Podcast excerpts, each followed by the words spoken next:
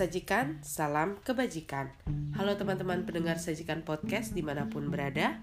Pagi, siang, sore, ataupun malam Ketika teman-teman sedang mendengarkan Sajikan Podcast kali ini Semoga teman-teman dalam keadaan baik, bahagia, bersemangat Dan hidup dengan penuh rasa syukur. Kali ini saya akan menceritakan satu buah narasi ilustrasi yang berjudul Misteri Hati. Tidak semua rupa atau bentuk benda dapat dilihat atau dipantulkan di dalam cermin secara baik. Hal ini disebabkan oleh beberapa alasan, antara lain kurang sempurnanya cermin itu sendiri, baik bahan maupun mutunya.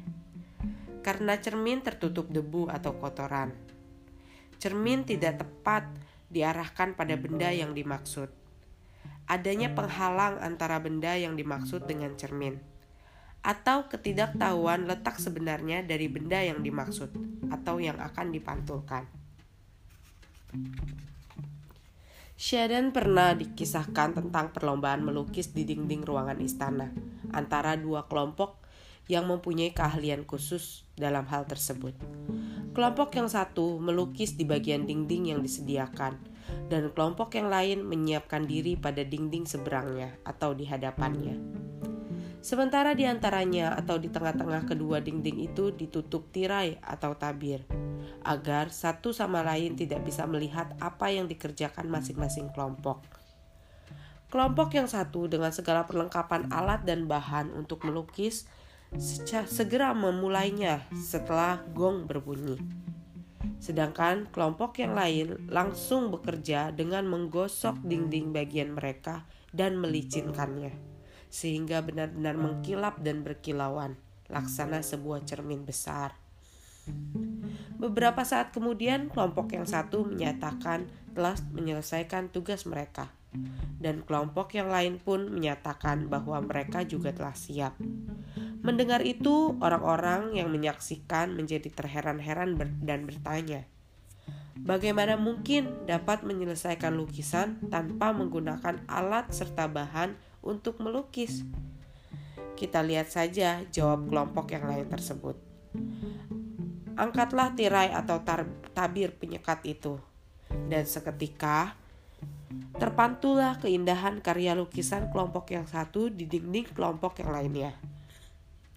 Bahkan lukisan itu tampak lebih indah dan cemerlang disebabkan dinding tersebutlah digosok sampai licin, mengkilap dan berkilauan sedemikian rupa sehingga mirip cermin raksasa.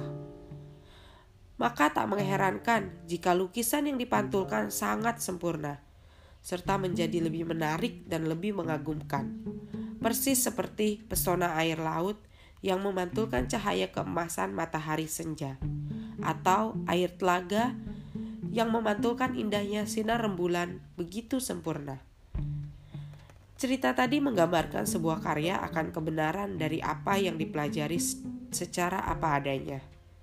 Sementara yang lain menunjukkan manfaat dari membersihkan hati atau nurani sedemikian rupa sehingga hakikat kebenaran sebagai lelatu kebajikan Tuhan atau Tiente tampak berbinar berkilauan dan terasakan oleh sekelilingnya.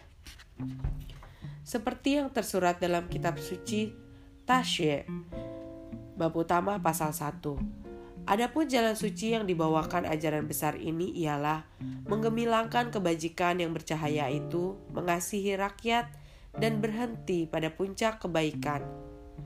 Ayat suci ini menerangkan bahwa demikian penting menggemilangkan kebajikan yang bercahaya, serta mengimplementasikan kegemilangan di dalam hati nurani tersebut dalam perilaku mengasihi sesama insan lainnya dan hal tersebut barulah akan mencapai yang semakin lama semakin baik apabila dilakukan tanpa henti-hentinya, terus-menerus berkesinambungan. Di dalam Tasye bab 2 pasal 1, bila suatu hari dapat memperbaharui diri, perbaharuilah terus tiap hari dan jagalah agar baharu selama-lamanya.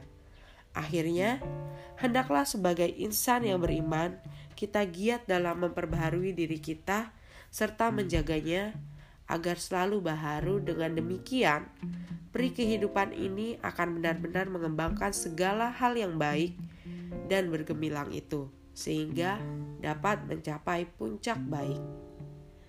Terima kasih teman-teman semua episode kali ini semoga bermanfaat.